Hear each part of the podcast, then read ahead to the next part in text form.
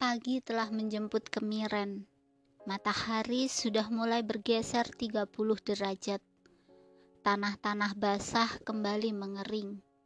Desir angin menjamah batang pepohonan ratusan tahun di persawahan. Ranting daun meliuk-liuk, hingga burung-burung emprit berceloteh. Sayap tubuhnya yang mungil tampak mengerjap-ngerjap sambil berloncatan. Celotehnya begitu rancak membentuk nada yang begitu alami. Di kejauhan sana, tampak lelaki memanjat anak tangga pada gubuk bambu yang menjulang ke angkasa. Dari atas sana, mata lelaki itu menyapu sendi-sendi tanah sawah. Tangan kokohnya meraih kelobot bulu jagung yang terselip di telinga. Ceres! Asap berterbangan tak menentu. Lelaki bertopi anyaman bambu berbentuk kerucut itu tersenyum. Ia begitu nikmat dengan kenyamanan yang ia rasakan.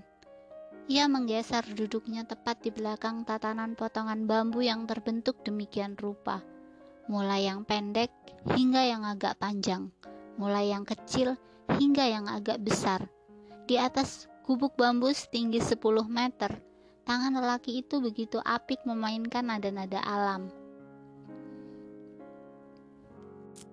Suara angklung paglak mengalun merdu di bawah cakrawala.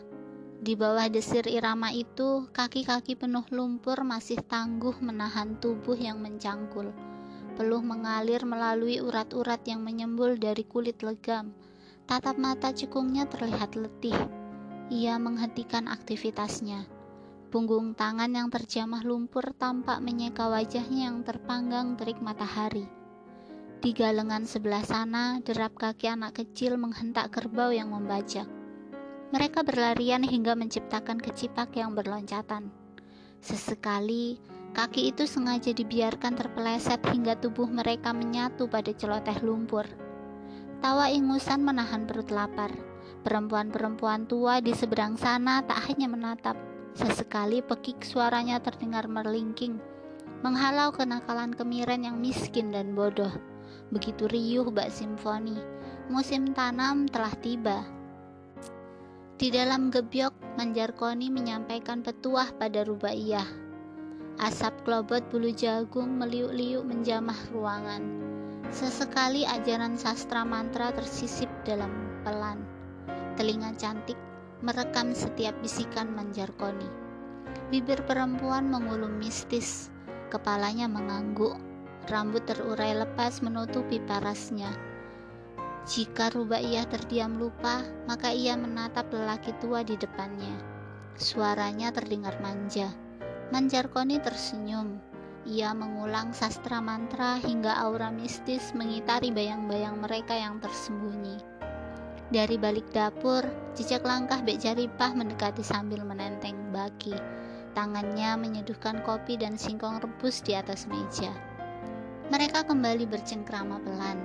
Tangan Bek Jaripah mendekap manja harta berjalannya. Sesekali ketiga pasang mata melihat pintu kamar. Suara derit Tipan beriringan dengan suara lenguh dari dalam. Lelaki itu menggeliat dari ujung kaki sampai ujung kepala. Tingkahnya seperti ulat kepanasan. Kata orang kemiren, molet. Manjarkoni tersenyum. Mata tuanya kembali menatap dua perempuan di hadapannya. Asap kelobot bulu jagung kembali lepas dari rongga mulut. Yang penting, usaha itu tidak diketahui oleh lelaki itu. Ujar lelaki parubaya itu dengan nada lirih. Bek Jaripah dan Rubaiyah mengangguk serentak. Bibir mereka tersenyum. Sudosok melangkah terhuyung-huyung keluar kamar. Ia tak berbaju dan bertelanjang kaki. Matanya melotot sayu. Rambutnya awut-awutan. Ada sisa-sisa muntahan yang menempel Lelaki bertambang sangar itu duduk di antara mereka. Matanya menatap Rubaiyah yang tersenyum. Nafasnya tertahan. Tubuhnya mengejang. Bek Jaripah menatap tingkah itu. Dengan cepat ia menatap Rubaiyah. Rubaiyah mengangguk. Ia bangkit dari tempat duduknya. Rubaiyah melangkah pergi, tak ketinggalan kerling kelopak mata membelai juragan dari kampung Gumu itu. Lelaki itu menegang, tumbuhnya hendak meraih bayang-bayang yang berkecamuk dalam ruang nafsu menggebunya. Tapi tubuh Rubaiyah tak terlihat lagi. Bek Jaripah tersenyum. Bagaimana tidurmu? Ujar Bek Jaripah kenes. Sudah sok menoleh. Nafas yang kadang melenguh itu tergagap ia terlalu mabuk untuk mengingat kejadian itu. Setelah matanya terbuka, ia mendapati tubuhnya tanpa sehelai benang. Sudoso tersenyum. Tangannya yang penuh otot meraih rokok kretek di atas meja. Sesaat setelah korek mematik api, Sudoso menghisap asapnya kuat-kuat. Nafas beratnya menghempas. Kenapa, Man? Apa masih kurang puas? Ujar Bek Jaripah menggoda. Tatapannya menggores ruas-ruas wajah serius Sudoso. Lelaki itu balas menatap. Tak ada yang ia katakan. Bibirnya hanya melahirkan tawa. Yang jelas saya sudah menang, Bek. Ujar Sudoso. Lelaki itu kembali menghisap asap rokok kretek. Bibirnya mengambang. Manjarkoni tersenyum. Kedip mata cekungnya menikmati rangkaian-rangkaian kalimat itu. Kepalanya mengangguk-angguk pelan. Udengnya bergoyang-goyang. Pembicaraan mereka masih berlangsung. Tangan kurus Manjarkoni menuak kopi dingin. Bibirnya terbasahi oleh sisa-sisa kopi semalam. Tak ada aroma tua. Manjarkoni menoleh pada riuh pelataran. Ada tingkah riang anak kecil tanpa pakaian yang berkejaran dengan anak-anak ayam. Iramanya apik hingga bersaing dengan suara pentet di kedauan sana. Seekor kumbang menerobos masuk dari celah pintu yang berderit. Berputar-putar lantas diam di sudut ruangan sebelah atas. Sepoi-sepoi angin menerbangkan asap kelobot bulu jagung. Sudoso melirik pada Manjarkoni. Ada celoteh nafsu yang hendak ia sampaikan. Uangnya masih terlalu banyak untuk ia bawa pulang. Man, apa saat ini masih ada kesempatan untuk bersama dengan sang gandrung? Ujar Sudoso. Pikirannya menerawang. Ia ingin menikmati gemuruh nafsu yang tak ia sadari itu. Manjarkoni tersenyum Matanya menatap lelaki kekar dan bertampang sangar. Urusan bayar, Manjar Koni dan Bek Jaripah tidak perlu khawatir. Pasti aku selesaikan dengan jumlah yang sama. Sambung Sudoso.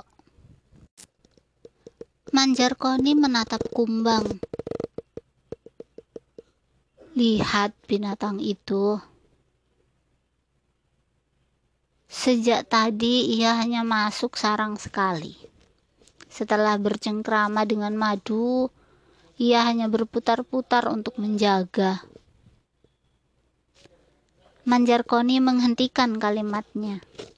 Bibir yang basah oleh kopi dingin itu menghisap kelobot bulu jagung kuat-kuat. Asap terbang merambah wajah Sudoso. Maksudnya begini. Ujar Manjarkoni. Jika memang dianggap sebagai permainan, bukankah sampean sudah memenangkannya? Semalam kami begitu jelas mendengar kehebatan sampean di dalam sana. Manjarkoni menghentikan kalimatnya. Sudatsa tersenyum. Benarkah, Man? Tanya lelaki itu. Manjarkoni dan Bek Jaripah mengangguk bersamaan. Sudoso terbahak-bahak hingga dua anak kecil mengintip dari celah-celah pintu. Sudoso menerawang asap putih kecoklatan meliuk-liuk hingga menemukan tubuhnya yang mendekap putik bunga, bergoncang hingga berguguran basah.